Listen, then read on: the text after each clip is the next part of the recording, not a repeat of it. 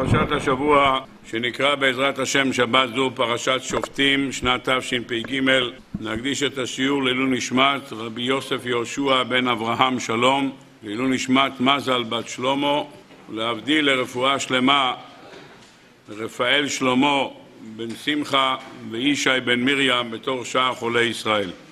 פרשת שופטים שנת תשפ"ג היא הפרשה שפותחת את חודש אלול היום ראש חודש אלול, יעלה ויבוא, נכנס חודש אלול, ותמיד פרשת שופטים היא פותחת את הפרשה, את החודש הזה. בכל אחד מהשבתות שנקרא בעזרת השם בפרשיות חודש אלול, יש רמזים לעבודה של החודש הזה. החל מפרשת שופטים, שבוע הבא פרשת כי תצא, אחרי זה כי תבוא, ואחרי זה ניצבים וילך. בכל אחד מהפרשיות האלה ישנו רמז לעבודת השם שיש בחודש הזה. הפרשה שלנו פותחת במילים שופטים ושוטרים תיתן לך בכל שעריך והרבה מהמפרשים מקשרים את המילים הללו לעבודה של תחילת החודש הזה. שופטים ושוטרים תיתן לך בכל שעריך, כותב השלה הקדוש, לכל אדם יש שבעה שערים. שבהם הוא מכניס אל תוך הגוף את כל מה שהוא צריך. מהם השערים? שתי עיניים, שתי אוזניים, נחריים ופה. אלה שבעת השערים שישנם לאדם. ואדם צריך להמליך על השערים האלה שופטים ושוטרים. מה זה השופט ומה זה השוטר? השופט אומר מה לראות ומה לא לראות ומה לשמוע ומה לא לשמוע, מה להריח, מה לא להריח, מה לדבר ומה לא לדבר. אלה הדברים, מה אתה אוכל ומה אתה לא אוכל, אלה החושים האלה שנמצאים בראש. יש לנו ארבעה חושים, חוש הראייה וחוש השמיעה וחוש הדיבור וחוש ה... חוש הראייה וחוש השמיעה וחוש הריח וחוש הדיבור. ארבע חושים שיש לנו בראש. כנגד זה יש לנו ארבע פרשיות בתפילין של ראש כנגד ארבעת החושים. בשל יד יש לנו ארבע פרשיות, אבל הן מחוברות, הן נעשות בבית אחד, כנגד חוש אחד שיש בידיים, וזה חוש המישוש, שם יש לנו רק חוש אחד. אז שופטים ושוטרים תיתן לך בכל שעריך, אדם צריך למנות שופט, מה לראות ומה לא לראות, מה לשמוע ומה לא לשמוע, מה להריח ומה לא להריח. אלה הדברים שאנחנו עושים בכלים שבראש, ומה לדבר ומה לא לדבר, ומה לאכול ומה לא לאכול. אלה החלקים שיש לנו בשל ראש. לכן, היות ויש לנו כאן שבעה שערים, בשבעת השערים האלה אדם צריך למנות שופט. ואם חס וחלילה הוא לא עשה מה שצריך לעשות, אז בשביל זה הוא צריך לקחת שוטר כדי להלקות, כדי להעניש. איזה שוטר, מה החלק של שוטר שמעניש? זה הרצועה של יד. יש לנו שבע כריכות על היד, וזה מבחינת שוט, זה המלקות שאדם צריך להלקות את עצמו אם חס וחלילה הוא לא מתנהג כמו שצריך. וזה החלק של שופטים ושוטרים תיתן לך בכל שעריך, כך מופיע בדברי השלה הקדוש בסייעתא דשמיא. אנחנו היום היינו רוצים בעזרת השם לעמוד על חודש אלול, זה הנושא שנעסוק בו היום, וללמוד משהו בעבודה שלנו בחודש הזה, ללמוד קצת מדרכי העבודה בחודש הזה, ועל ידי כך נוכל להתחיל בסייעתא דשמיא את עבודת החודש הנפלא הזה, חודש אלול, שהקדוש ברוך הוא בעזרת השם יחדש עלינו ועל כל עם ישראל לטובה.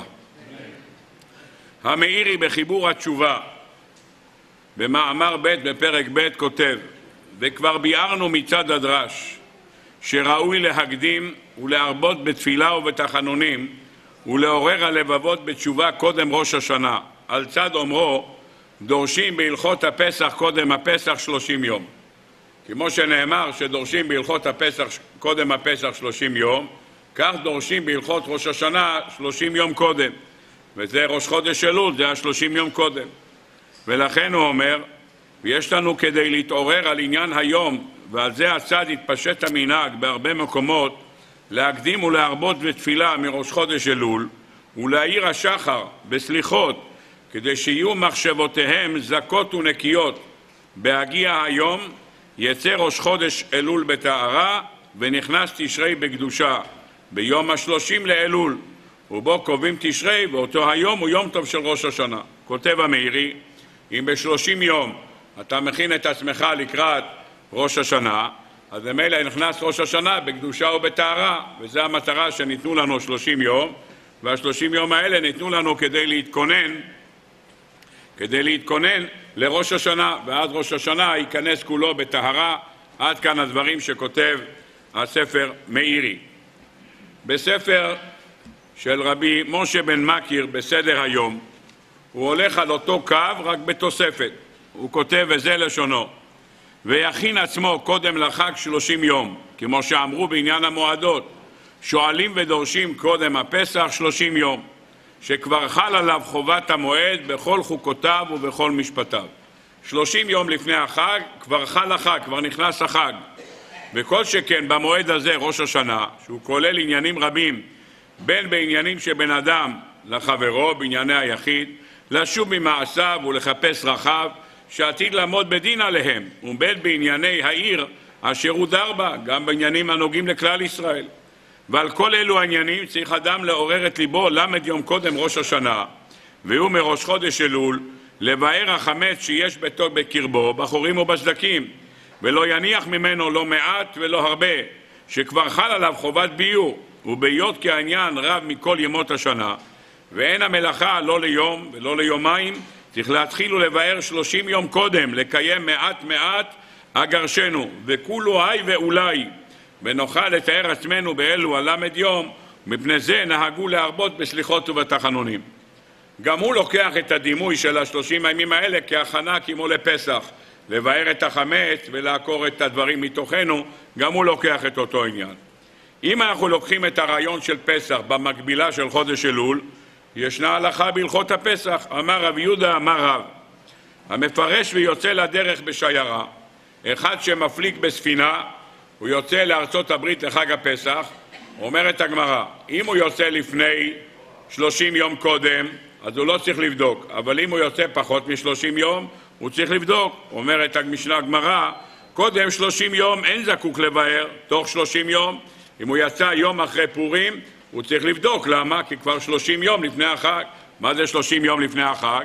פירוש הדבר שהחג כבר מתחיל שלושים יום קודם, לכן צריך לבדוק שלושים יום קודם. אבל אם הוא יוצא בראש חודש אדר, שזה ארבעים וחמישה ימים קודם, הוא לא צריך לבדוק.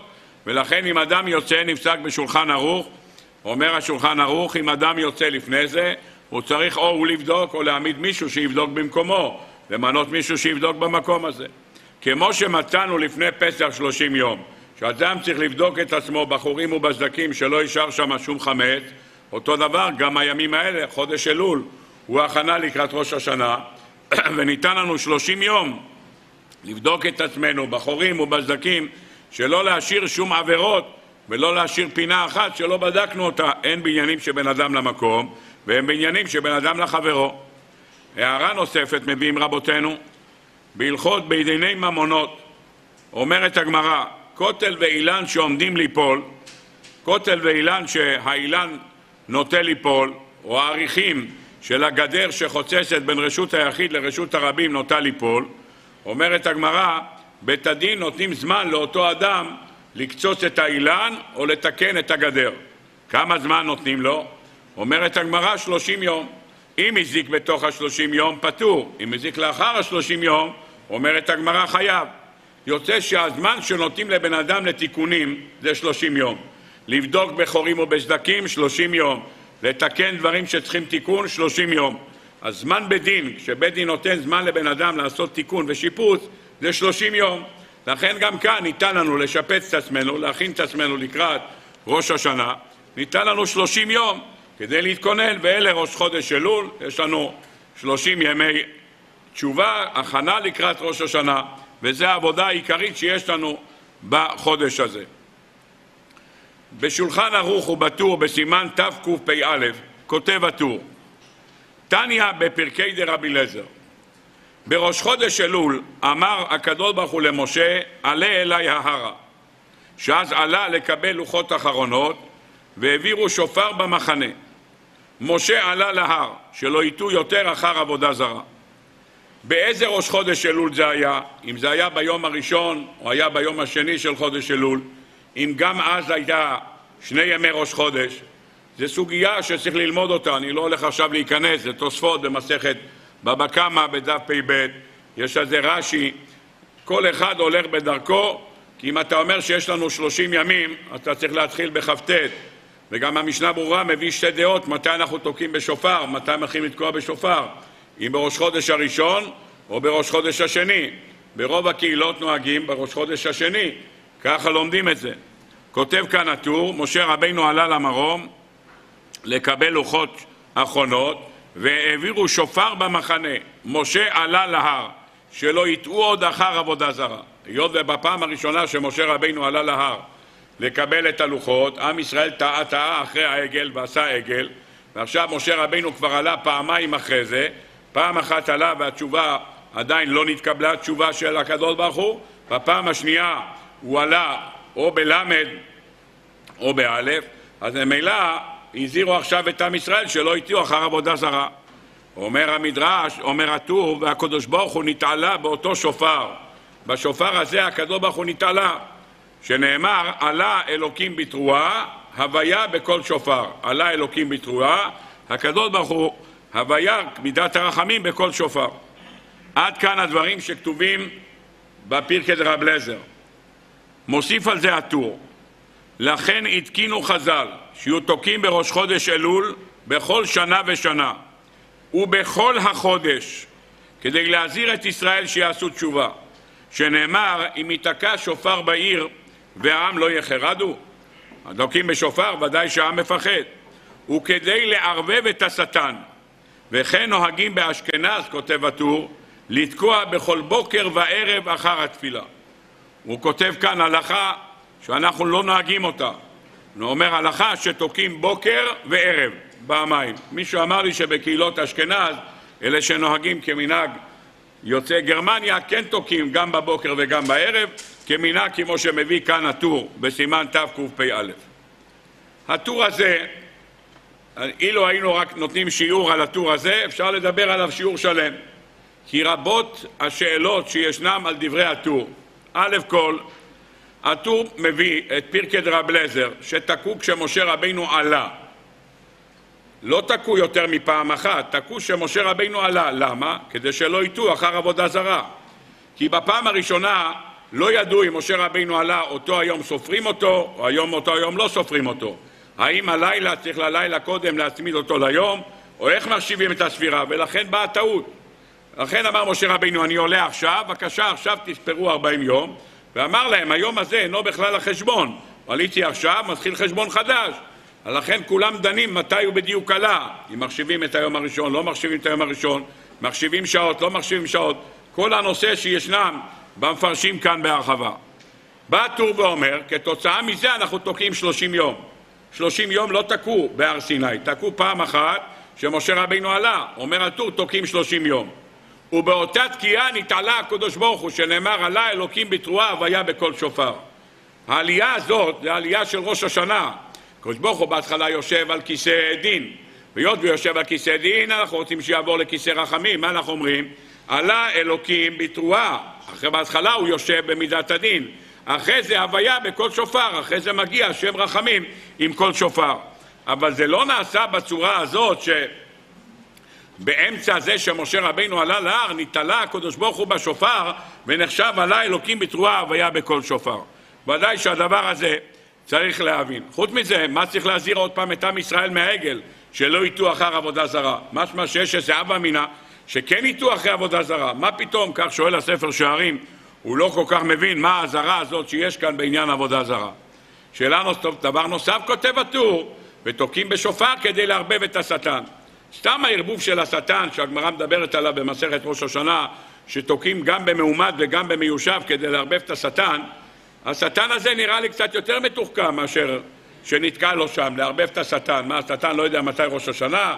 לערבב אותו, מה אתה הולך לערבב אותו? יש לו, שעון, לא, יש לו טלפון לא כשר, יש שם גם תאריך עברי וגם תאריך נוצרי, הכל יש לו שם. הוא יודע בדיוק מה נעשה, זה מילא תגיד בכשר, אולי יש לך רק את העברי, אפשר לבלבל אותו, אבל הכל נמצא שם, אז מה, הוא לא אפשר לערבב אותו, ודאי שהדברים האלה צריכים ביור איך אפשר כל כך מהר לערבב את השטן. חוץ מזה, צריך להבין מה מונח כאן בכל הנושא הזה, שאנחנו תוקעים בשופר והקדוש ברוך הוא מתעלה על ידי השופר הזה של, של, של השלושים יום של חודש אלול. לכאורה עיקר העלייה היא בתקיעת שופר של ראש השנה, שם נאמר עלה אלוקים בתרועה השם בכל שופר. כדי להבין את הדברים אני רוצה להביא לכם מרגלית יפהפייה שמצאתי בספר שנקרא ייטב פנים בשירת דוד. ייטב פנים היה נכד של האיסמך מוישה, הוא היה הנכד שלו, הוציא שני ספרים, ייטב פנים וייטב לב, ובספר שלו ייטב פנים בשירת דוד הוא מביא מה שכתב זקנו האיסמך מוישה על שולי הגיליון, על שולי הגיליון של הטור שלו, סימן תקפ"א. כדי להבין את הדברים צריכים להקדים קצת קודם. ישנו ספר שנקרא בשם שיבולי הלקט. בשיבולי הלקט, בהלכות ראש חודש, הוא כותב דבר שהוא ראה בגאונים. מה המקור לזה שאנחנו אומרים הלל בכל ראש חודש? יש לנו תקנה לומר הלל בכל ראש חודש. בני עדות אשכנז אומרים מברכים גם על חצי הלל, כי לא אומרים לגמור את ההלל, אלא לקרוא את ההלל. בני עדות ספרד אומרים לגמור את ההלל, אז רק מתי שגומרים את ההלל, כמו בחנוכה, בסוכות, שם מברכים ברכה. אחרת לא מברכים ברכה, הברכה היחידה שמברכים בראש חודש זה רק בראש חודש של חנוכה. ראש חודש טבת, שם מברכים, כי יש לנו הלל השלם, אז מברכים לגמור את ההלל, הראש חודש היחיד שמברכים לגמור את ההלל אצל בני עדות המזרח. טוב, נפלא ביותר. הוא שואל, מה המקור לזה? מה המקור לזה שכל ראש חודש? בכלל נשאלת השאלה. הרי הלל אתה אומר על נס. יצאת ממצרים, אתה אומר הלל. קיבלת את התורה, אומר תודה רבה שקיבלנו תורה. אתה יושב בסוכות, אתה אומר תודה רבה כי בסוכות הושבתי. יצאת ממצרים, יצא לך נס חנוכה, אתה אומר תודה רבה על נס פח השמן. מה המטרה לומר הלל בראש חודש? מה קרה בראש חודש אתה אומר הלל? נכון, הלבנה מתחדשת, אתה אומר ישנם כמה דברים, אבל מה המקור לזה? תקנה לומר הלל, מה, מה מונח בזה? הוא מביא דבר נפלא שהוא מצא כאמור בדברי הגאונים. דוד המלך, בפרק האחרון בתהילים, אנחנו אומרים אותו בכל יום בפסוקי זמרה, נאמר, הללויה, הללו אל בקודשו, הללו ברכי עוזו, הללו בגבורותיו, הללו כרוב גודלו, הללו בתק השופר, הללו בנבל וכינור, הללו בתוף ובמחול, הללו במינים ועוגב, הללו בצלצלי שמע, הללו בצלצלי תרועה, כל הנשמה תהלליה הללויה, כל הנשמה תהלליה הללויה. זה הפרק המסיים את ספר תהילים, היום זה מזמור קנ, 150, פעם זה היה קמ"ו, קמ"ז, זה היה הפרק. היום אחרי שחילקו כמה פרקים זה נהיה קנ. טוב, אומר הספר שיבולי הלקט, ראיתי בגאונים 13 פעמים הללו נמצא בפרק הזה. כנגד 12 ראשי חודשים שאומרים בהם הלל, חוץ מזה בשנה מעוברת יש לך עוד אדר, אז כנגד עוד אדר יש לך 13. כך הוא כותב, דבר נפלא. לכן כפלו פעמיים כל הנשמה תהלליה, הללויה, אם יש לך שני עדרים, אז באדר ראשון ובאדר שני. הינמי כותב השיבולי הלקט, אם יש לך שני ראש חודש, ראש חודש, שני ימי ראש חודש, אז כל הנשמה תהלליה, מה המקור שאומרים פעמיים? וכל הנשמה תהלליה על ילוליה, יש לך את זה פעמיים. עד כאן הדברים שכותב הספר שיבולי הלקט. טוב, מביא הרב ישמח משה בטור שלו, על הטור, בהערות שהוא כתב בצד, הוא מביא את דברי השיבולי הלקט, והוא כותב, ולפי דבריו נראה לומר, הללויה, הראשון שנאמר שם, הללויה, הוא כנגד חודש ניסן, שהוא ראשון לחודשים. החודש הזה לכם, ראש חודשים, ראשון הוא לכם לחודשי השנה. אז זה הללויה, זה הראשון. הללו אל בקודשו, הוא כנגד חודש אייר. הללו, ברק, הללו ברקיע, הללו ברקיע עוזו, הוא על חודש סיוון. הללו בגבורותיו, הוא על חודש תמוז. הללו קרוב גודלו, הוא חודש אב. הללו בתק השופר, הוא חודש אלול. ומכאן שמח, מכאן שמח הטור לתקוע בכל חודש אלול. למה? כי הללו בתק השופר מכוון כנגד חודש אלול, לכן הוא אומר מה המקור לתקוע בחודש אלול כל החודש? הרי אם אתה סומך את דבריך על הפרקי דרב אליעזר שאומר שתקעו כשמשה רבינו עלה להר, אז למה צריך לתקוע כל החודש? הנה יש לך מקור, חודש אלול נקרא הללו בתק השופר, אז מה אתה עושה כל החודש? תוקע בשופר. טוב, נפלא ביותר. מה תוקעים בשופר? אצל בני עדות אשכנז תוקעים לפני לדוד השם אורי ואישי בבוקר, תוקעים בשופר, אחרי זה אומרים לדוד השם אורי ואישי. אצל בני עדות המזרח אומרים לדוד, אומרים לדוד השם אורי ואישי כל השנה כולה, זה לא דבר שהתחדש, שעושים אותו 52 יום. כל השנה כולה אומרים לדוד השם אורי ואישי. איפה הם אומרים תקיעת שופר בחודש אלול? בסליחות, ב"ויעבור השם על פניו ויקרא", שם תוקעים בשופר. מישהו אמר לי היום, אצלהם בקהילה, אומר תוקעים גם לפני דוד השם אורי ואישי, אצלם זה אחרי דוד השם אורי ואישי, בבוקר. כך אמרו לי בבית כנסת של עולי לוב ברמת גן, שם הם תוקעים, אומרים לדוד השם מורי ואישי אחרי התפילה, ותוקעים בשופר. כך תשרת תוקעים אחרי זה, ומישהו הוסיף לי שגם התימנים נוהגים ככה, אבל לא הספקתי לבדוק את זה, אני רק אומר מה ששמעתי היום אחרי צהריים. יוצא שהספרדים אומרים בסליחות, יש להם תקיעת שופר, והאשכנזים יש להם אחרי או לפני לדוד השם מורי ואישי בבוקר. הטור כותב שנהגו באשכנז גם בבוקר וגם בערב, כי אנחנו נוהגים להגיד לדוד השם מורי ואישי גם בשחרית וגם בערבית. אז בשתי המקומות האלה תוקעים בשופר. יפה. מה המקור לזה שתקיעת שופר זה עבודה של חודש אלול? כותב הספר ישמח מוישה, לומדים את זה, מהללו בתק השופר. יפה מאוד. בא הספר ולאשר אמר, הוא מוסיף על זה עוד יחידה אחת. מה הוא אומר? אם אתה אומר שהללו בתק השופר מכוון כנגד חודש אלול, אז מהו חודש תשרי? הללו בנבל וכינור. איך אתה נכנס בחודש תשרי להללו בנבל וכינור? אומר פשוט מאוד. כתוב בגמרא שהכינור שהיה בבית המקדש היה בו שבע נימים, שבע מיתרים היו בו. ולעתיד לבוא בעזרת השם יהיה בו שמונה, שנאמר למנצח על השמיני. בעזרת השם לעתיד לבוא הכינור יהיה של שמונה חוטים, כי זה שמונה זה מעל הטבע. כרגע הכינור יש בו שבע נימים. יפה מאוד. אומר הספר לאשר אמר שבע זה כנגד ימי הסוכות שזה שבעה ימים. העלו בנבל וכינור, הכינור זה השמחה שיהיה לנו בחג הסוכות, אבל יש לנו קודם נבל. מה זה הנבל? אומר צריכים להשתמש במה שכתוב בתהילים, מזמור ל"ג. מה? בנבל עשור זמרו לו. מה זה נבל עשור זמרו לו? אדם שרוצה להגיע לשמוח בחג הסוכות זה רק לאדם שעבר את נבל עשור, מי שעבר את עשרת ימי תשובה. אחד שעבר את עשרת ימי תשובה, הוא יכול ללכת לשמוח בחג הסוכות. למה? כי בשמחת הסוכות צומחים שמחים בשמחת בית השואבה. מי שמח בשמחת בית השואבה?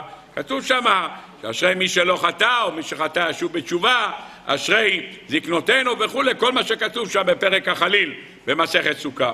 יוצא שכל מה שיש לנו כאן בעניין הזה סובב סביב החודש הזה, חודש אלול, שהוא חודש של תקיעת שופר. עד כאן הדברים שכותב הישמח מוישה לאור דברי הדברים שכותב השיבולי הלקט. נו, אחרי שראיתי את זה, הלכתי לקחת את סידורו של רבי חיים קניבסקי, מרן שר התורה. יש לו סידור עם פירושים. אנשים ליקטו כל מיני רעיונות שהוא אמר להם, ושם מופיע עוד הפירוש הזה של השיבולי הלקט, שיש שלושה עשר פעמים הללויה כנגד 12 חודשים ושנה מעוברת, ושם הוא מביא עוד דבר. וכבר העיר הפרי חדש, לפרי חדש יש שאלה על השיבולי הלקט. לא צריכים 13, מספיק 12 עם שנה מעוברת. למה? לפי שבראש השנה אין הלל. מה אתה אומר לי שאומרים 13 פעמים הלל? 12 ראשי חודשים פלוס שנה מעוברת, אז יש לך שני הדרים. אומר לא נכון, אתה לא צריך 13, מספיק לך 12 בכל מצב. למה? כי בראש חודש תשרי אין הלל. למה?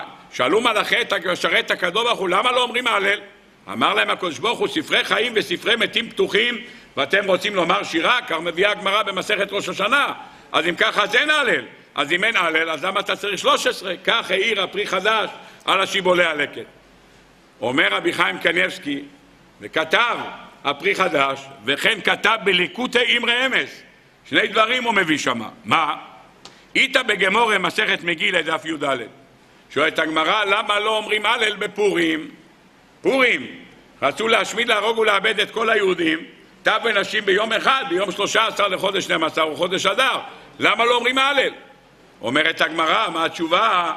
קריאתה זוהי הילולה. אתה קורא במגילה, קריאת המגילה זה ההלל. יפה מאוד. אומר הליקוטי אמרי אמס, על פי זה תבין טוב מאוד. אין לנו הלל, אבל אתה יודע מה ההלל בראש השונה? הללו במה? בתקע שויפור. בזה שאתה תוקע בשופר, זה ההלל, זה עצמו ההלל. כמו שקריאתה זו הילולה, זה שאתה תוקע בשופר, זה ההלל. אתה אומר הלל, איך אתה אומר הלל? בזה.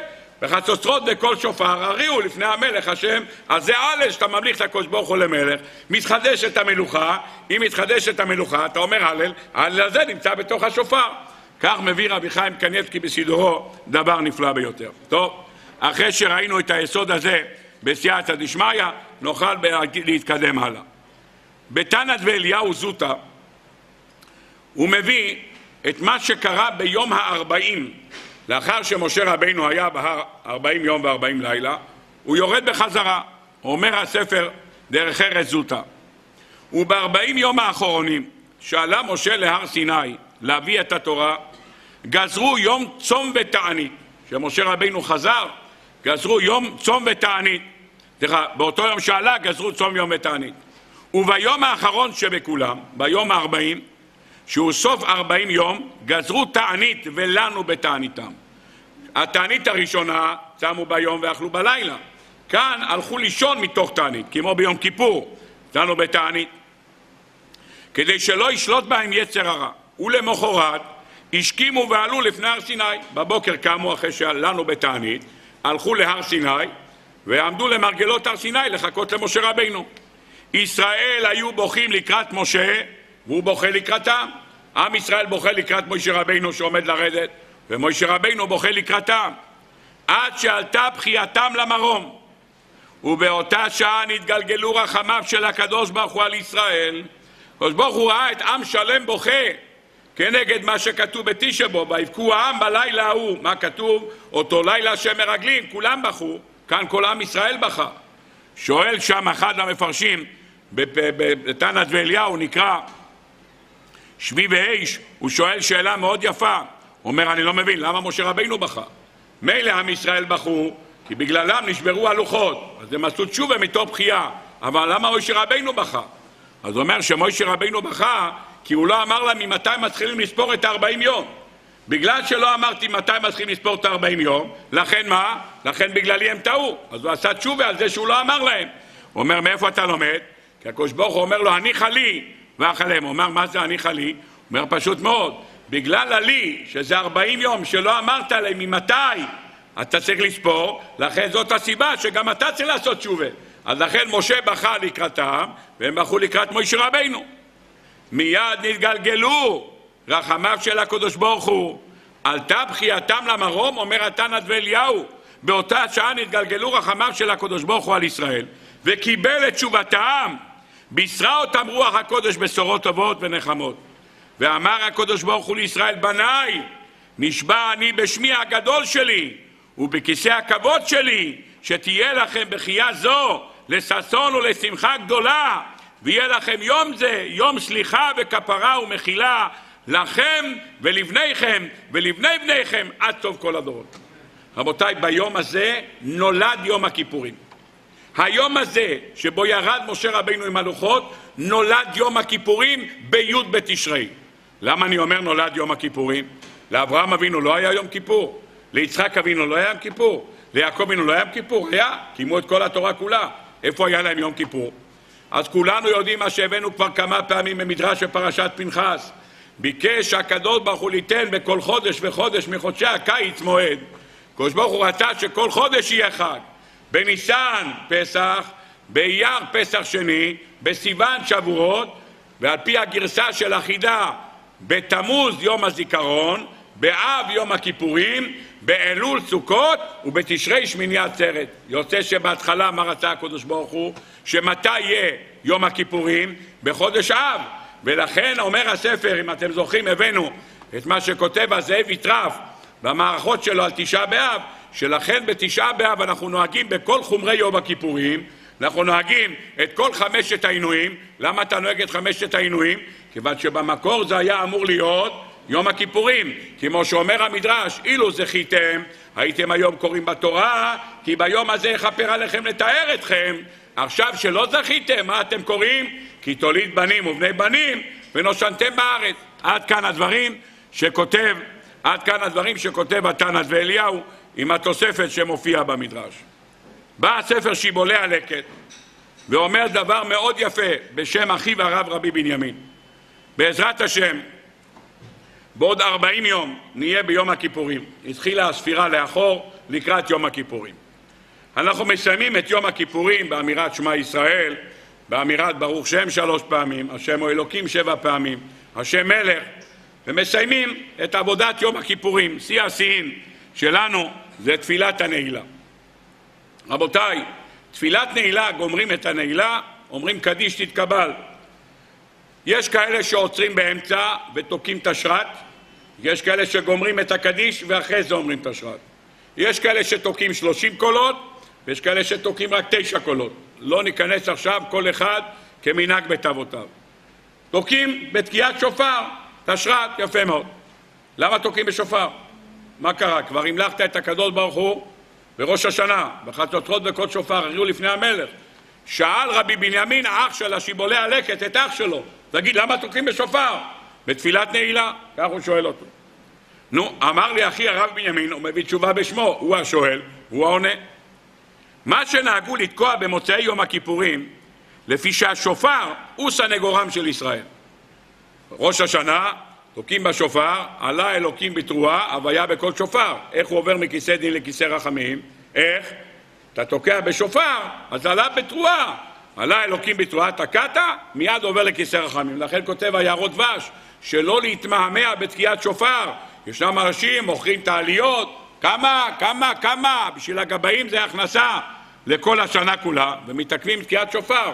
כותב היערות דבש, אתה רוצה למכור עליות? בליל ראש השנה, כולם שמה, לפני הערבית תמכור את כל העליות, ובעזרת השם תוכל למכור דבר טוב מאוד, על הערב עוד זכויות לפני התפילה. אתה עושה את זה אחרי זה, אתה מעכב את תקיעת שופר. כשאתה מעכב את תקיעת שופר, מה קורה?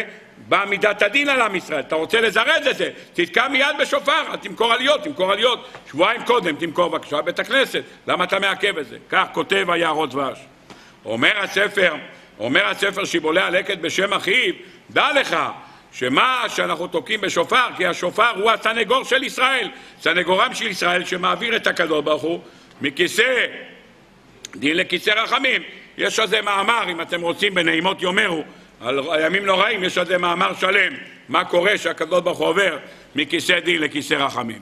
ברגע שהקדוש ברוך הוא על ידי השופר עובר מכיסא דין לכיסא רחמים, הוא מצדיק אותם בדין, כמו שנאמר על האלוקים בתרועה, הוויה בכל שופר. ועתה שהם יוצאים מבית הדין זכאים, נגמר יום כיפור, נמחלו עוונותיהם של ישראל, וגזר דינם הקדוש ברוך הוא לזכות, הסנגור שלהם, זה השופר, יוצא ומשמיע קולו בשמחה, וזה דרך העולם, כותב לנו השיבולי הלקט. מה קורה כאשר יש נאשם? הנאשם מואשם בבית משפט ויש שם שופטים חמורי סבר ומאשימים אותו, מאשימים אותה הפרקליטות בעבירות חמורות ביותר ומה? יש שם סנגור, שנתיים מתנהל המשפט והמודים השופטים, שלושה פה אחד הנאשם, מספר 349568 תשנ"ג מצהירים בזאת כי הוא זכאי, זכאי, זכאי. בראבו ברוך השם. יצא, נו, באותו רגע שהוא צועק זכאי, מה קורה באולם בית המשפט? כל המשפחה שמחים ותועלים, ברוך השם, נגמר עינוי הדין. מה עושים לסנגור? שמים אותו על הכתפיים, לוקחים אותו סיבוב בכל הבית משפט. נכון או לא? אני מתאר לעצמי, אבל כך הוא כותב, הוא כותב, הוא היה שם. אבל לא אומר דבר, לוקחים את הסנגור. ברגע שיצאת זכאי בדין, ביום כיפור, מי הוציא אותך זכאי? השופר, אתה לוקח אותו מוצאי כיפור, הוא אומר, הלו, אתה היית סנגור שלי, בוא נעשה לך תשרת אחד, בזכותך יצאנו בדין. כך הוא מביא בשם אחיו הרב רבי בנימין, הערה ראשונה. עוד טעם אמר אחי, לפי מה שמצא בפרקי דרבי אליעזר, שעלה משה רבינו לקבל לוחות אחרונות, עלה בראש חודש אלול וירד בעשרה בתשרי וציווה לתקוע בעלייתו. לא רק בעלייתו, כותב השיבולי הלקט, אלא גם בחזירתו ציווה לתקוע. כשהוא עלה וכשהוא חזר. מתי הוא חזר? מתי הוא חזר? ביום כיפור. לכך התקינו דורות אחרונים לתקוע בליל ראש חודש אלול בשופר, במוצאי יום הכיפורים לזכר אותה תקיעה שקיבלו לוחות אחרונות בשמחה. כנגד אותו תקיעה שקיבלו בשמחה, כנגד זה אנחנו תוקעים בשופר בסיומו של יום. עד כאן הדברים בסייעתא דשמיא. מכאן ואילך אני רוצה לעסוק באלול, אבל כדי להגיע אל אלול בואו נלמד יסוד מאוד מעניין. אני לא יודע כמה ראשי תיבות שמעתם על האלול. המילה אלול פירושה חיפוש. ויתורו לנו את הארץ, כותב התרגום, ויעללון יתרה. לחפש, זה המילה אלול, חיפוש. אתה מחפש בחורים ובסדקים, לכפר עוונות, לחפש פשעים, לחפש, זה רק מילה אלול.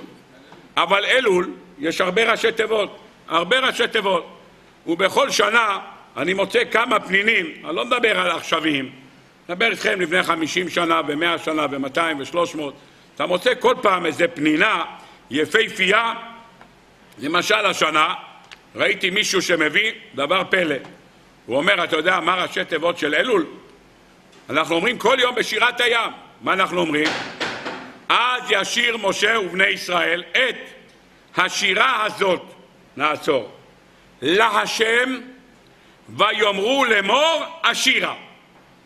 להשם ויאמרו לאמור אשירה, ראשי תיבות, אלול. נו, כמה שנים אתם כבר אומרים? יש פה כאלה שאומרים יותר ממני. פעם ראיתם את הראשי תיבות אלול? פעם ראשונה בחיים שלי שראיתי, שמביאים, שבשירת הים נמצא אלול. מה עושה אלול פה באמצע שירת הים? מה נכנס פה אלול? מה, הייתי אומר משהו, שירת הים, צריך להיכנס פה ניסן. מה נכנס פה אלול? כתוב במשנה ברורה, בשם החרדים, מי שאומר שירת הים בשמחה, מוחלים לו על כל עוונותיו. כך מופיע במשנה ברורה. שמעתם? אומר שירת הים בשמחה, מוחלים על כל עוונותיו. רבותיי, הולכים לראש השונה, אתה רוצה מחילת עוונות? נתן לך החרדים עצה כל כך יפה, מה? רבי אליעזר הזיקרי אומר, רבותיי, תגיד שירת הים בשמחה. רק מה? כל השנה כולה אתה קם בדיכאון שהתעוררת. אז איך תגיד שירת הים בשמחה? למה קמתי והבנק רודף אחריי וזה רודף אחריי ויש לך לחץ ימינה שמאלה? אבל מגיע אלו, אתה הולך לפני משפט, אתה מחפש זכויות? יש זכות, מחילת עוונות. אז באמת בני עדות המזרח בשבת שרים עד ישיר משה ובני ישראל, כולם ביחד, שרים את זה ביחד, אז זה שירה. אבל לא כתוב לשיר, כתוב לשמוח. לשיר יש הרבה ששרים, צריכים לומר את זה בשמחה. אז איך אומרים את זה בשמחה? אז ראיתי שרב חצקי לוינשטיין, זכר צדיק לברכה, היה שם שתי ספסלים משני צדדים, והוא היה עובר באמצע, הוא היה מדמיין את המצרים מאחורה, הוא אומר וואו הנה המצרים באים, והיה מקדימה, והיה עושה כזה מין הרגשה שהוא נכנס לתוך התיק הזה, מס הכנסה מאחורה, ביטוח לאומי מקדימה, הוא לא יודע איך בורחים מהמצב הזה, ואז פתאום נבקע, אה ברוך השם, הכל נפתר בבת אחת, אז הוא פרץ בשמחה, אומר, או, אז ישיר משה. זה את העבודה, זה לא דבר שאתה יכול ליצור איתו. יש אנשים, אתה מדליק להם איזה מוזיקה והם קופצים. קפיצות זה לא שמחה, זה דיאטה. אני מדבר על מי ששמח, אפשר לשמוח ולשבת, לא צריכים לרקוד בשביל זה. או זרו על הצדיק ולאיש לב שמחו. לא כתוב איש לב קפיצה, כתוב שמחו. שמחה זה דבר פנימי, זה לא דבר שאתה עושה אותו חיצוני, יש לך מוקפצים. מוקפצים זה לא שמח. שמח זה שמחה פנימית, שאדם שמח. עבדו את השם בשמחו, ובואו לפונו ברנונו. זה עבודה של שמחה, בעזרת השם עוד שבועיים. תחת אשר לא עבדת את השם אלוקיך, בשמחה ובטוב לבב מרוב כל. אדם ששר שירת הים בשמחה, מוחלים לו הכל עוונותיו. אומר אם ככה, זה פירוש הדבר. אז ישיר משה ובני ישראל את השירה הזאת להשם, ויאמרו לאמור, השירה. שם נמצא אלול, תנסה לעבוד לפחות על שירת הים בשמחה. יש לך את המתנה הזאת, ברוך השם יש לך מחילת עוונות, נפלא ביותר. שוב אני אומר, יש המון ראשי תיבות על אלול. כל ראשי תיבות שנבע ממקורות קדושים, יש להם הסברים. ניקח מה שמביא המשנה ברורה. אני לדודי ודודי לי. יש לך ראשי תיבות אלול, סופי תיבות ארבע יהודים. ארבע יהודים זה ארבעים. ארבע יהודים ארבעים זה ארבעים יום, שמראש חודש אלול ועד יום הכיפורים.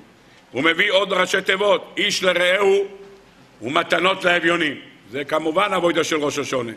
יש לנו כידוע לכולם, עבודה של ראש השנה הוא תשובה ותפילה וצדקה מעבירים את רוע הגזירה, גם כוונת החודש הזה, הכוונה הוא כוונה של צדוקה. אז צדוקה ודאי שראו מתנות אביונים, חוץ מזה שכתוב בנובי, לכו איכלו משמנים ושתו ממתקים ושילחו מנות לאין נכון לו. יש מצווה לשלוח מנות אחד לשני בראש השונה, איש לרעהו מתנות לאביונים. לשלוח מתונת לאביונים, זה מה שכתוב, כך כתוב בראש שונה. ידוע לכולם כמה צדקה פועלת בשמיים כשבן אדם נותן צדקה. טוב, אני לא הולך עכשיו לקרוא את כל הראשי תיבות שיש לי על אלול, כי נתחיל עכשיו, לא נגמור גם בעוד שלושה שבועות. אז אני לא הולך עכשיו לקרוא בפניכם הרבה. יש עוד דבר שמביא, והאלוקים עינה לידו ושמתי לך. ודיברנו על זה לפני כמה שנים, שערי המקלט, חודש אלול, הוא בחינת ערי מקלט. ישנם עוד כמה ראשי תיבות, חלק מופיעים גם בפרשת שבוע הבא, להצילך ולתת אויביך לפניך, בפרשת כי תצא, גם כן ראשי תיבות של אלול. אלול להצילך ולתת אויביך לפניך, גם ראשי תיבות. יש ראשי תיבות שלוקחים דווקא את אבוידס הכהן גודל ביום הכיפורים, שהמזה מאדם על הפרוכת, איך הוא היה מזה? אחד למעלה ושבע למטה. ראשי תיבות של אלול, אחד למעלה ושבע למטה. זה מה שיש לך שם באלול. מה זה קשור לעבודה? יש הסברים מה העבודה שיש באלול, אחד למעלה ושבע למטה. טוב, יש ראשי תיבות שמופיע מהווידוי של רב ניסים גוהן. אם בן אדם שלא עושה תשובה בחודש אלול, מה אומר רב ניסים גוהן? אם ישו טוב ואם לא, אוי לו ואוי לנפשו. אוי לו ואוי לנפשו, גם כן אלול. נו, אתה מחפש אלול? ברוך השם, יש הרבה.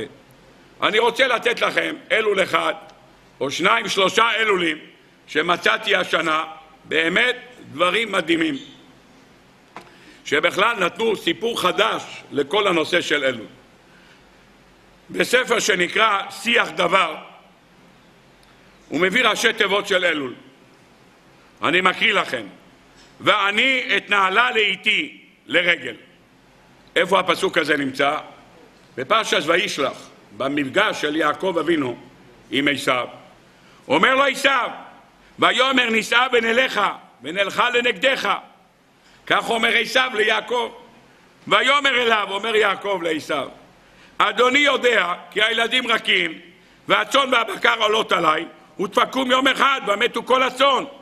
יעבור נא אדוני לפני עבדו ואני אתנהלה לאיתי לרגל המלאכה אשר לפניי ולרגל הילדים עד אשר אבוא אל אדוני שעירה. עוד ניפגש בעזרת השם ועלו מושיעים בהר ציון לשפוט את הרי סב והייתה להשם המלוכה אנחנו ניפגש אחי, הכל טוב. לך קדימה, אני אבוא אחריך. טוב, נפלא ביותר.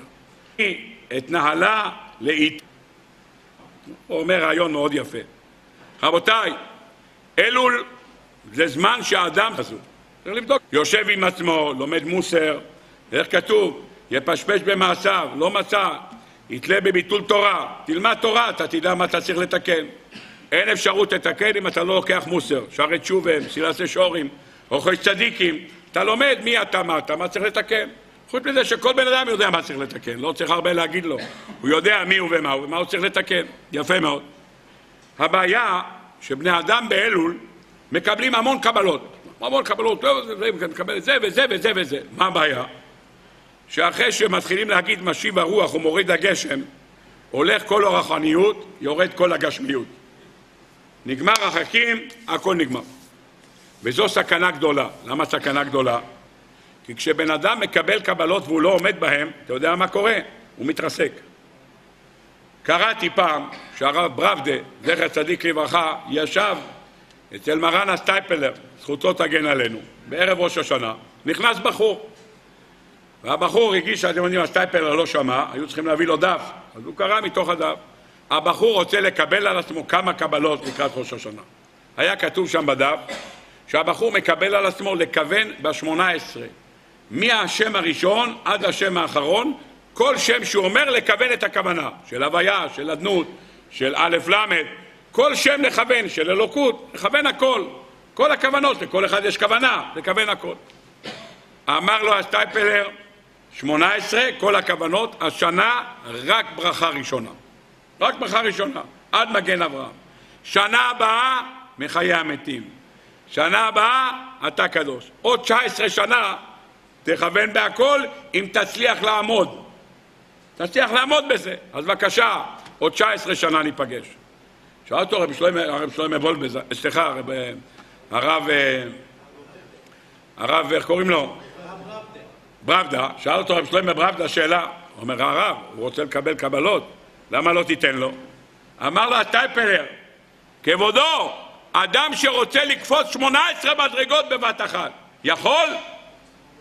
במקרה הטוב הוא שובר אגן הירחיים, במקרה הגרוע הוא מרסק את הגולגולת. הוא אומר, אין יותר מדי קבלות. קבלות צריך לקבל לאט לאט. אלול! מה ראשי תיבות? אתה יודע מה ראשי תיבות? בבקשה, תלך לאט. זה מה שהראשי תיבות. מה הוא? ואני אתנהלה לאיתי לרגל המלאכה. קבל קבלות, צריכים לקבל קבלות. קבל קבלות, אבל אל תקפוץ גבוה. למה? כשאתה קופץ גבוה אתה תיפול. כותב רבנו בחיי פרשת שמות. הנביא הושע אומר ונדע נרדפה לדעת את השם כשחר נכון מוצאו. לימדנו הכתוב כי יש אנשים שאינם יודעים לרדוף ומבקשים להשיג הידיעה בבת אחת, הכל הם רוצים ביחד. ולזה אמר ונדעה נרדפה לדעת שנדע תחילה איך לרדוף, איך לדבוף ובריאות, ואיכות הרדיפה כשחר. מה נעשה השחר? היה חושך ותוך דקה נהיה אור, אלא מה? כשחר לאט לאט. עוד קרן אור יוצאת, עוד קרן אור יוצאת, עד שמגיע ברוך השם אור גדול.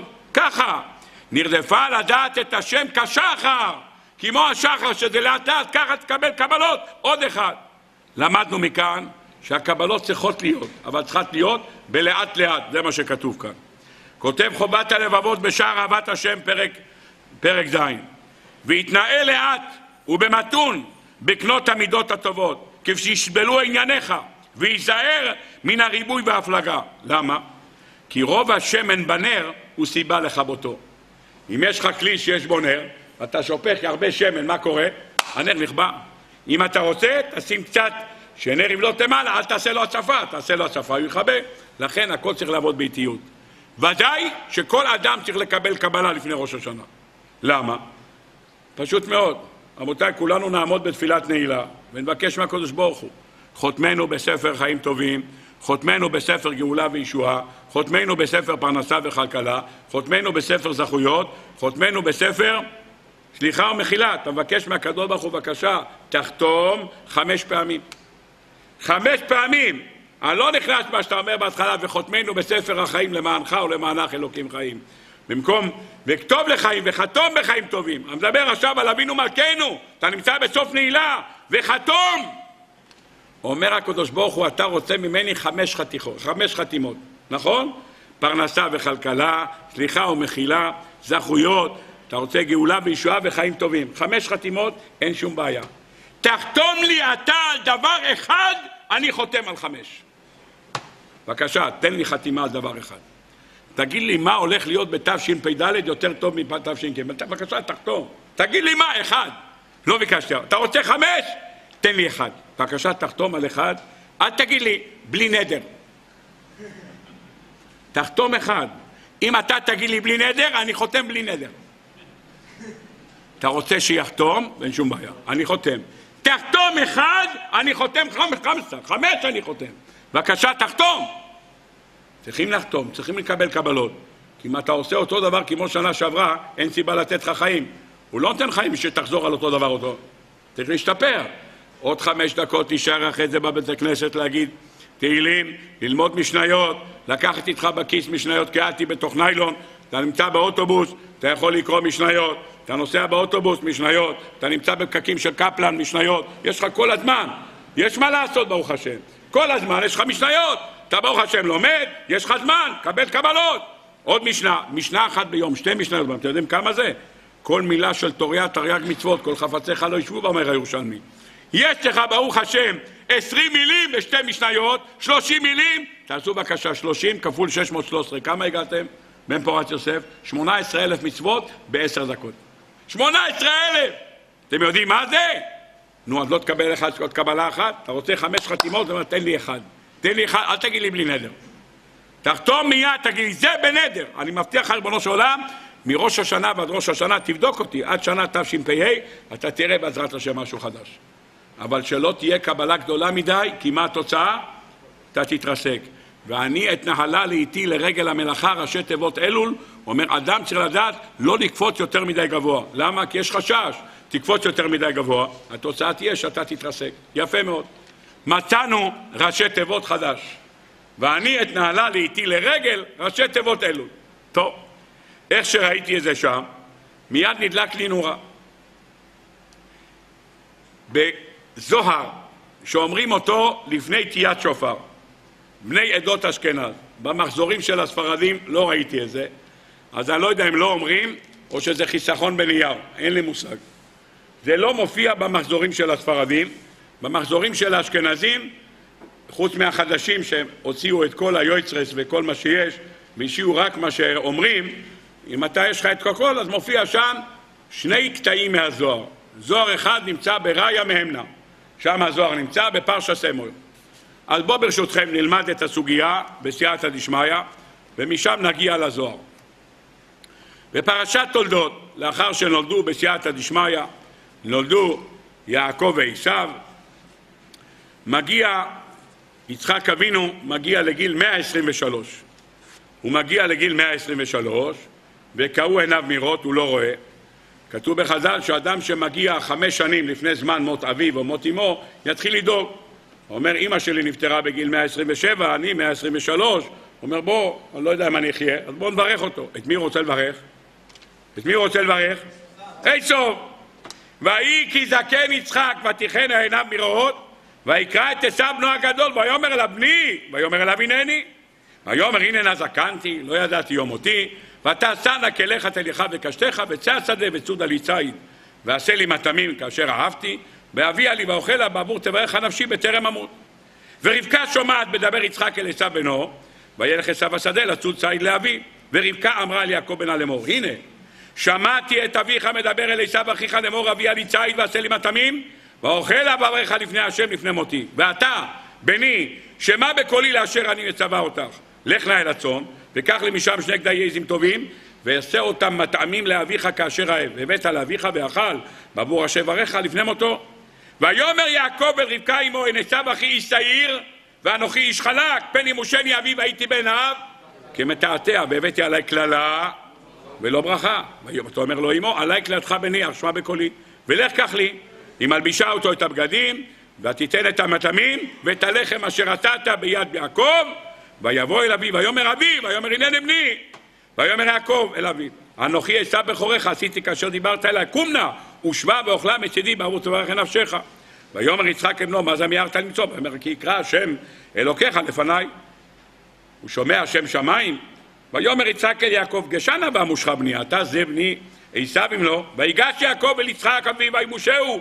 ויאמר הכל כל. יעקב וידיים ידי עשיו ולא יקרו כי היו ידיו כידי עשיו אחים שעירות. ויאמר אתה זה בני עשיו? ויאמר אני אני הגישה לי ואוכלה הוא אוכל ואז הוא ניגש אליו גשנה הושקע לבני הוא ניגש לשק ויגש וישק לו וירח את ריח בגדיו ויאמר ריח בריח בני כריח שדה אשר ברכו השם. הוא מברך אותו, וייתן לך אלוקים, ייתן לשמיים, פרנסה טובה, בריאות איתנה, הכל טוב. בינתיים הוא גורמי יוצא החוצה, מי נכנס? עשיו בא מצדו. יקום אבי! הוא אומר לאבא שלו. מה קרה? אומר, מה, מי אתה? ממי אתה? הוא אומר לו, בא אחיך במרמה ויקח ברכתך. נו, אחי קרא שמו יעקב, ואז מה הוא אומר? הברכה אחת היא לך אבי, ברכני גם אני אבי. בסדר, מברך אותו. ויסתום עשיו את יעקב על הברכה אשר בכו אביו. ויאמר עשיו בליבו, יקרבו ימי אבל אבי, והרגה את יעקב אחי. ומה הוא עושה? יעקב אינו בורח לחרן, בהתחלה הולך לישיבת שם ועבר, 14 שנה, הוא הולך לחרן, וכעבור 22 שנה הוא חוזר. מה קורה כשהוא חוזר? הוא חוזר, מודיעים לו שעשיו בא לקראתו וארבע מאות איש עמו. וירא יעקב מאוד ויצר לו, וואו, הוא נכנס ללחץ. הוא מגיע עם 400 איש עמו, הוא שולח לו מה? רשימה שלמה. עזים 200, תיישים 20, רשימה שלמה שיש פה, רכילים 200, אלים 20, גמלים מניקות ובניהם 30, פרות 40, פרים 10, אתונות 20 והירים 10. ויתן ביב הדבל עבד, כמה הוא שלח ביחד? אומר החיים הקדוש, 580. גימטריה תוקף לשבר תוקפו של עשיו הרשע. ויתן ביד עבדיו, עדר עדר לבדו, ויצב את הראשון לאמור. כי פגשך עשיו אחיהו שלך לאמור. למי אתה ואנה תלך ולמי אלה לפניך? ואמרת לעבדך ליעקב, מנחה היא שלוחה לאדוני לעשיו, והנה גם הוא אחרינו. עד כאן הדברים. רבותיי, הקראנו את הפרשה הזאת. מתי זה קרה? מתי הפרשה הזאת קרה? מתי? פסח. מאיפה אנחנו יודעים שפסח? כי רבקה אמרה לו להביא שני גדיי עזים, שואל רש"י, וכי מאכלו של אדם שני גדיי עזים? מה אומר רש"י? אחד לקורבן פסח ואחד לקורבן חגיגה, פסח היה, יפה מאוד. מה הביא לו יעקב לאכול, אם זה פסח? מה הביא לו לאכול? הביא לו לאכול קורבן פסח, חוץ מזה הביא לו מה? לחם. איזה לחם הוא הביא לו? פסח היה. אז מה הביא לו? מצות. מה כתוב שהביא לו חוץ מהמצות? ויבא לו יין ויש. מאיפה היה לו יין? מאיפה היה לו יין? מה כתוב בחז"ל? מביא אתר מנוסיאל, בא מלאך מיכאל ושם לו על המגש, שם לו גם בקבוק יין. אז מה יש לו? ליל הסדר. ארבע כוסות יש? יש. מצות יש? יש. קורבן פסח? יש. מה חסר?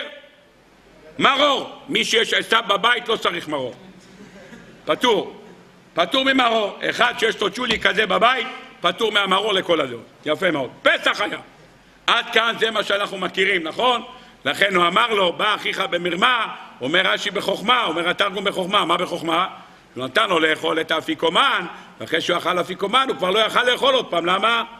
כי אין מפטירים אחר הפסח אפיקומן. אז הוא כבר לא יכל לאכול, הוא אמר יקום אבי, אומר אני כבר לא יכול, אכלתי כבר אפיקומן ונגמר העניין. יופי, עד כאן הדברים, הכל מובן. בא זוהר הקודש בראיה מהם נפר שסה מוהיר.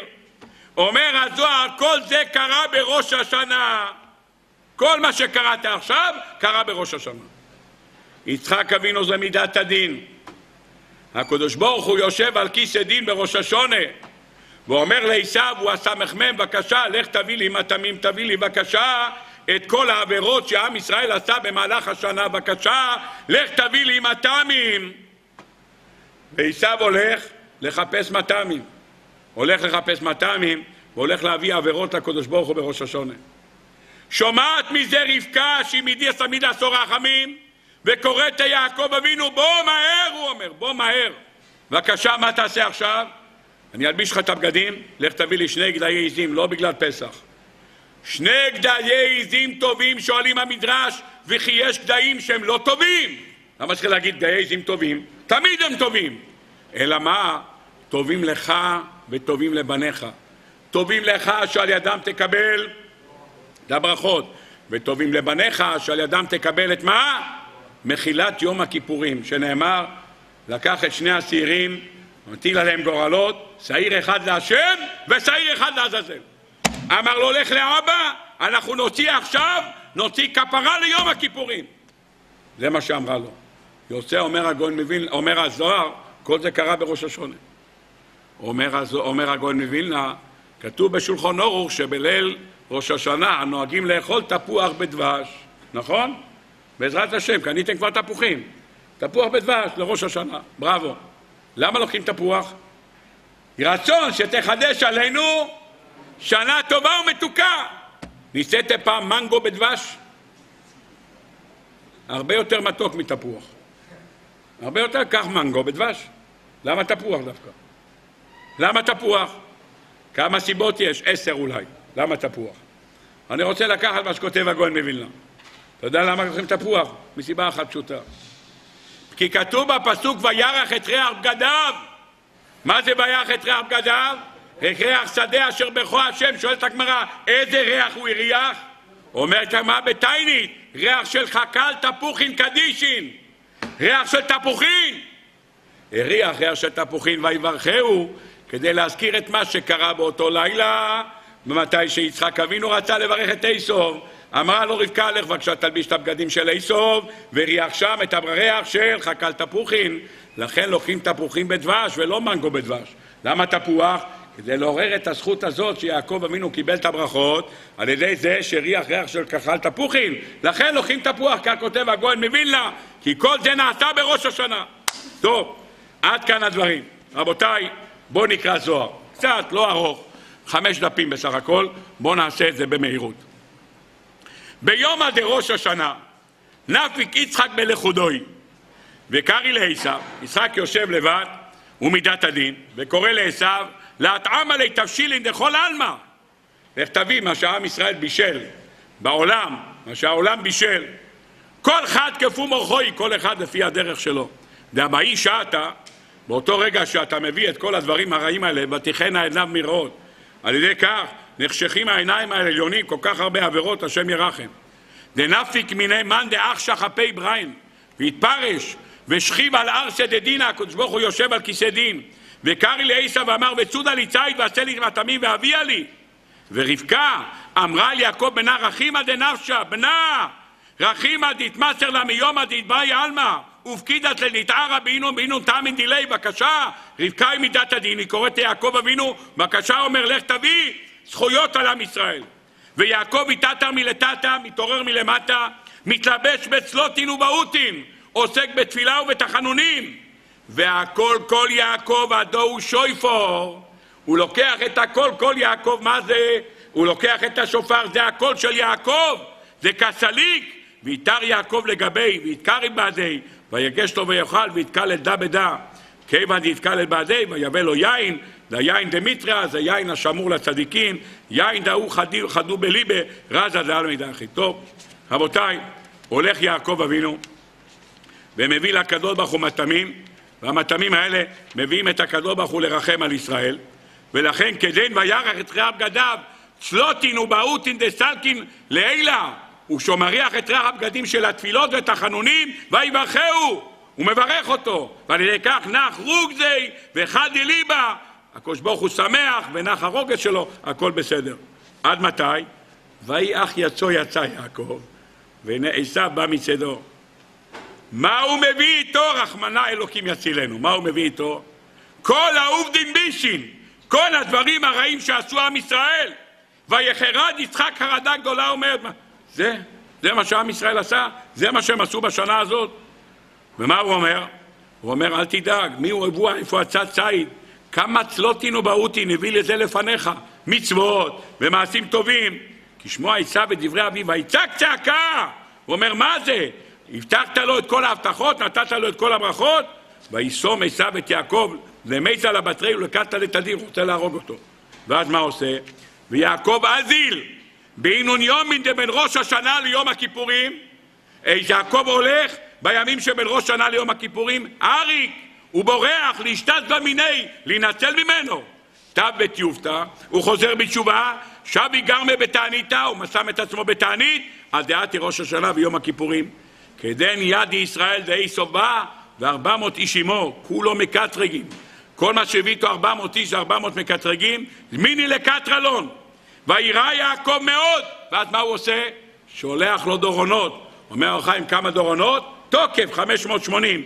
והמנחה הזאת באה להשתיק את הכעס של עשיו של הסמ"ם, הוא בא להשתיק אותו. ועל ידי כך מה קורה? בדין לאו מקטרגה אומר, על ידי כך עשיו הולך לדרכו, והכוונה לשעת נעילה, ואז מגיע יעקב אבינו והולך לנוח מהמפגש הזה, איפה? אומר הפסוק, וכיוון דאו מקטרגה אזל באו דורונה, והתפריש מניו, באי קודשבריחו למרדה בבנויני, הקדוש ברוך הוא רוצה לחגוג עם הילדים שלו. מה כתיב? ויעקב נשא סוכותה, ויבן לו בית, ולמקנהו עשה סוכות, ואז הוא נכנס לתוך הסוכה בצילה דממנותא, הוא נהיה בצילו של הקדוש ברוך הוא, שם השטן לא יכול להיכנס. הוא נמצא תחת המטריה של הקדוש ברוך הוא, עד כאן דברי הזוהר. רבותיי, למדנו, בקטע קצר, לא קראתי את כל הזוהר, דילגתי כמה חתיכות. מי שרוצה, יעיין בראיה ממנה.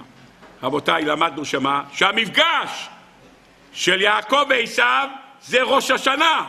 עשיו מייצג את הסמ"ם, יעקב מייצג את עם ישראל, עשיו הולך להביא קטרוגים, יעקב מביא זכויות, הכל כל יעקב זה השופר, והקדוש ברוך הוא ידו עובר מכיסא דין לכיסא רחמים, חוזר עשיו עם העוונות, יעקב בינתיים עושה תשובה בראשון וביום כיפר, מתענה, ועד זה נהפך הדין, ואז שולח לו דורונות לעשיו, זה השני שעירים שלקח מנחה, שני גדיי עזים טובים, טובים לך וטובים לבניך, זה המתנות לשבר תוקפו של עשיו, ואז עשיו מלמד סנגוריה על ישראל, וככה יוצאים ישראל זכאים בדין. כל זה מתי נעשה?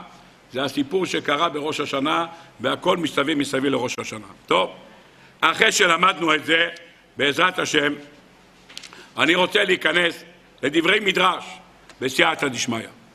המדרש שאני אקריא בפניכם נמצא בפרשת תולדות. רבקה מעוברת והולכת או ליד בתי עבודה זרה, זה קופץ, עוברת ליד בתי כנסיות ובתי מדרשות, זה קופץ, וככה עוברים ממקום למקום. נמצאים ברחם, ברחם, נמצאים שני ילדים. מי זה הילדים? אחד יעקב והשני עשיו. הם יושבים בתוך הרחם, אומר המדרש, אומר יעקב לעשיו, עשיו אחי, שני עולמות לפנינו, העולם הזה והעולם הבא. העולם הזה יש בו אכילה ושתייה ומשא ומתן, נושאים נשים, יולדים ילדים. עולם הבא אין בו את כל המידות הללו. יושבים ולומדים כל היום, נהנים מזיו השכינה, אין שם לא משא ומתן, לא ביזנס. מהבוקר עד הלילה רק תורה, זה מה שיש שם. רצונך את העולם הזה או העולם הבא? אמר לו עשיו, טול אתה העולם הבא ואני אטול העולם הזה. שנאמר מכרק היום את בכורתך לי, כאותו היום שהיו בבטן אמם. מיד כפר עשיו בתחיית המתים, שנאמר הנה אנוכי הולך למות. באותו שעה נטל עשיו חלקו העולם הזה, ויעקב נטל חלקו העולם הבא. וכשבא יעקב מבית לבן וראה אותו, שיש לו בנים ובנות ועבדים ושפחות וכל כך הרבה צאן, אמר עשיו ליעקב, לא הבנתי, כך אמרת לי שתיטול לעולם הבא? אמרת לי שאתה לא קשור, אתה רק יש לך גמרא, לא הבנתי. שישים ריבו כלבים שומרי עדרו של יעקב אבינו. שש מאות אלף כלבים, רק שומרי עדרים. אני לא מבין, אתה עולם הזה או עולם הבא? מה בדיוק אתה... סיפרת לי שאתה יש לך רק גמרא, מה זה מה זה מה שיש לך? הוא אומר, כן, כן, זה רק מה שאני צריך בשביל עולם הבא. לא, אין לי דרישות גדולות. זה מה שאני צריך. אמר עשיו, ככה? אם ככה אתה זוכה למה שאתה צריך, הקדוש ברוך הוא נתן לך עולם הבא, זה מה שהוא נתן לך? ערער עשיו בדעתו, אמר, מה העולם הזה שאינו חלק, חלקו, נתן לו הקדוש ברוך הוא שכרו, העולם הבא, שהוא חלקו, על אחת וכמה וכמה, מיד אמר עשיו, מיד אמר עשיו, רצונך שנעשה שותפות, נעשה אני חצי חצי, אני אקח חצי עולם הבא, ואתה חצי עולם הזה, ואתה תעשה חצי חצי. אמר לו, לא, בניי רכים, ואינם יכולים לעמוד בייסורים, שנאמר ותפקום יום אחד. זה הקטע שמופיע ביאלקו שמעוני טולדויס, עוד קי"א. מעבר למה שכתוב פה, מוסיף המגלה עמוקות, מוסיף הבני סוסחו, מוסיפים כל הספרים הקדושים. ברחם הם חילקו גם את החודשים. חודשים. יש לנו 12 חודשים בשנה, אומר יש 12 חודשים. אומר יעקב, בוא נחלק חצי חצי. אומר חצי חצי, אין שום בעיה. עולם הזה, עולם הבא, הם כבר עשו חצי חצי. יעקב לוקח עולם הבא, עשיו לוקח עולם הזה. עכשיו בואו נחלק את החודשים. מה? אומר יעקב, אני ראשון. בסדר גמור. מה אתה לוקח? ניסן, אייר, סיוון. סגור. אומר עשיו, אני לוקח את הבאים בתור. תמוז, אב אלול. יפה. אומר יעקב, תשרי חשוון, כסלו שלי. אומר עשיו, אין שום בעיה. טבת שבט אדר שלי. חלוקה, חצי חצי. מה זכה יעקב אבינו? לקח ניסן, אייר, סיוון. זה החודשים שיצאנו ממצרים. וקיבלנו תורה. זה החודשים של מי? יעקב אבינו. מה יש לעשיו? תמוז אב אלול. תמוז, ט' בתמוז, שבעה עשר בתמוז, אב חורבן בית המקדש. מתי יצאו המרגלים לרגל את הארץ, אומר רש"י? מתי הם יצאו? בכ"ט בחודש סיוון. הלכו כ"ט בחודש סיוון, תמוז, ותשע ימים ב... במי השליטה של מי בחודשים האלה? של עשיו. לכן אומר הפסוק, כותבים המפרשים, והימים ימי ביקורי ענבים, תיקח את האותיות שלפני המילה ענבים, מה יש לך לפני ענבים? אה? יש לך לפני העין, יש לך סמך, לפני הנון, יש לך מ', מה יש לך שם עוד? ב', יש לך א', ולפני המ' יש לך ל', איזה מילה יוצא לכם? סמך מ' א' ל', מי זה? שרו של עשיו. והימים, ימי ביקורי ענבים, הימים האלה נמצאים בשליטתו של עשיו, של הסמ"ם. יפה מאוד. עד כאן הקדימון. כתוב במגלה עמוקס, אותו דבר בבני סוסחו ועוד מפרשים.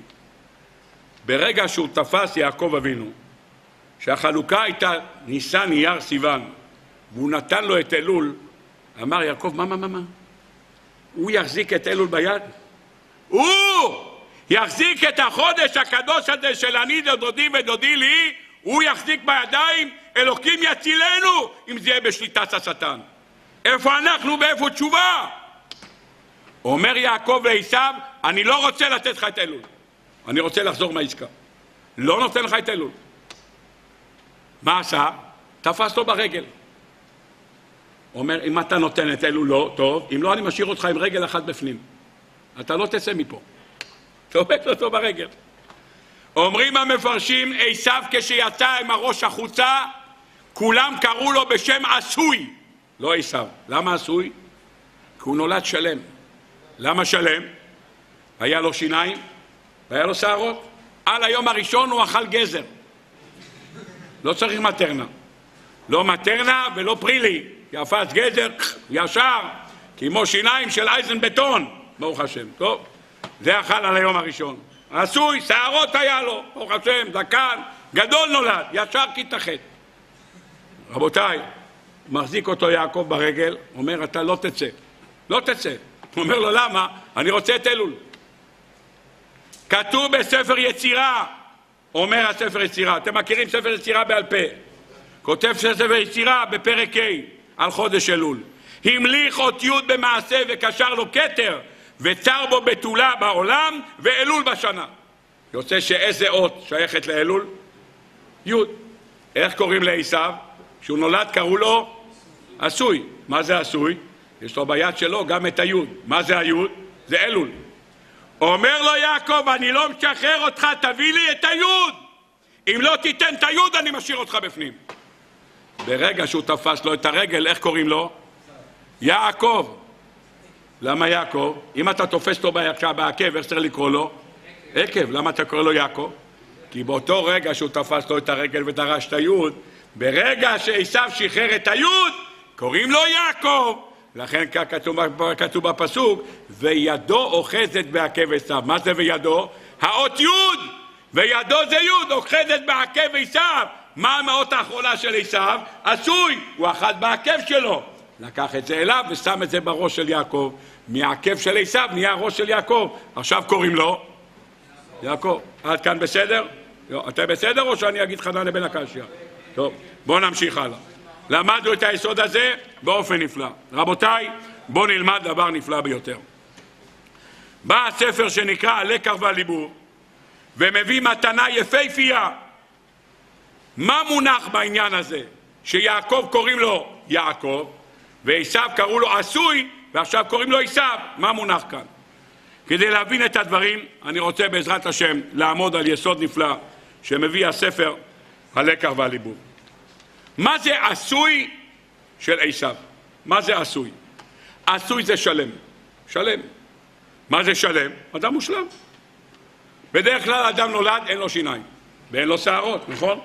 אחרי זה לאט לאט יוצאים שיניים אחרי שנה, האמא אומרת, הוא בכה כל הלילה, בוא נבדוק. לוקחת מזלג, עושה טיק טיק טיק טיק, שומע? שומעים רעש שהבמבה.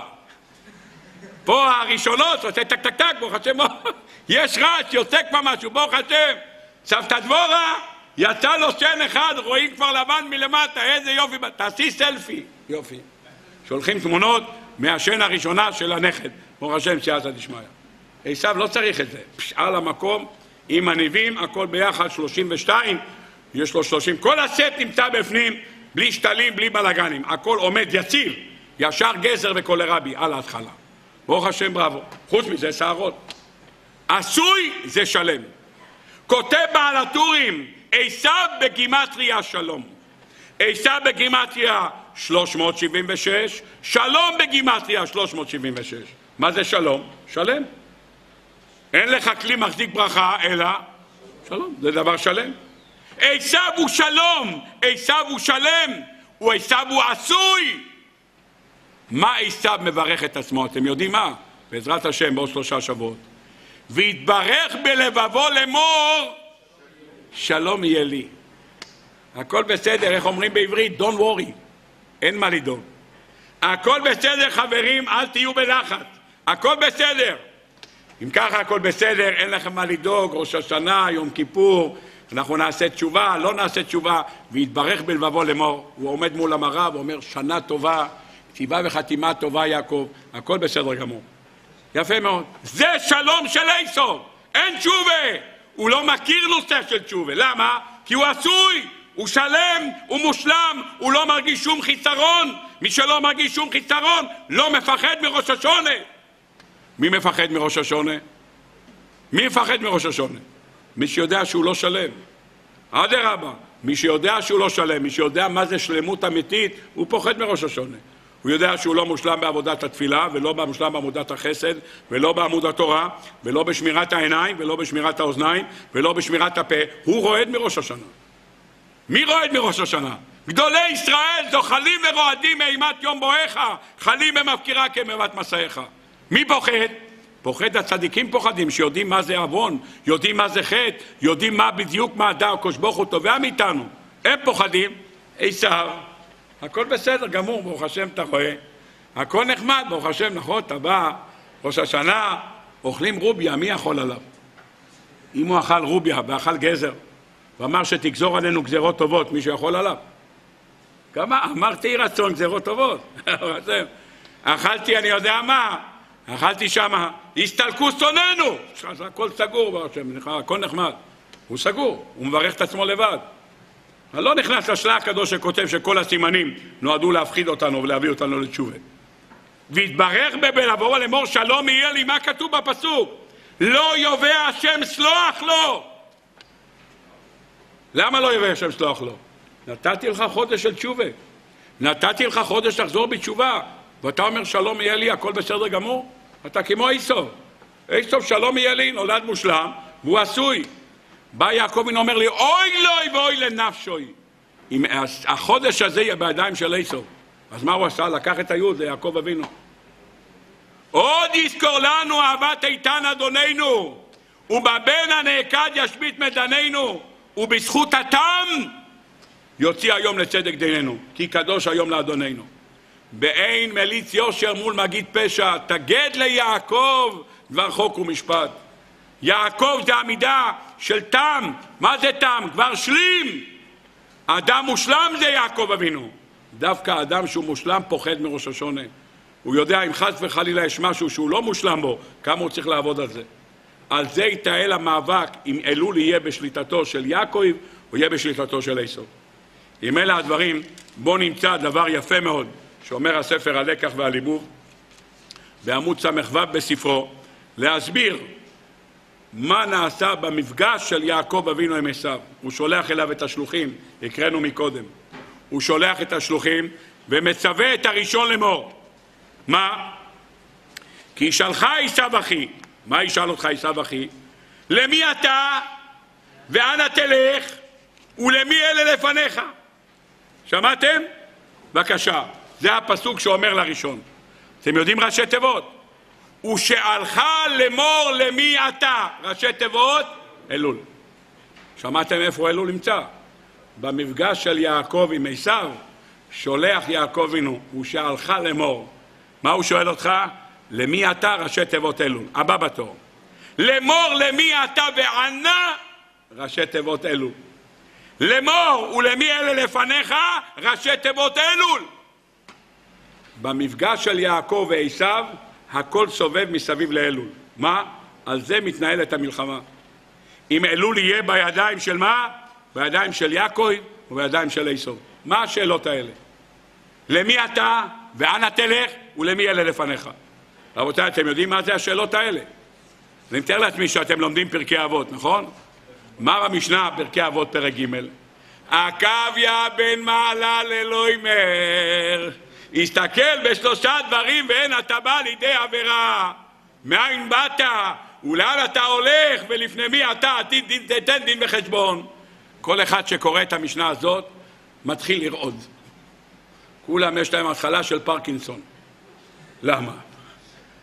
את המשנה הזאת אומרים לפני סוגרים את הדלת של האמבולנס של החבר'ה קדישה.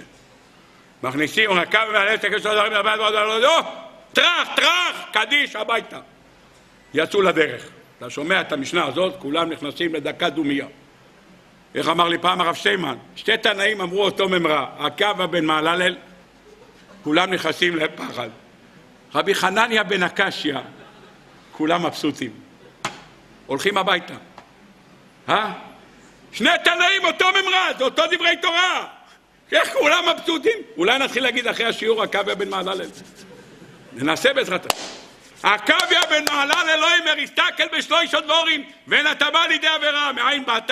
לאן אתה הולך? ולמי עתיד בחשבון. מה אומר לו יעקב אבינו? הוא שאלך לאמור, למי אתה ואנה תלך ומי אלה לפניך? זה המשנה של עקביה בן מעללל. רבותיי, שמעתם?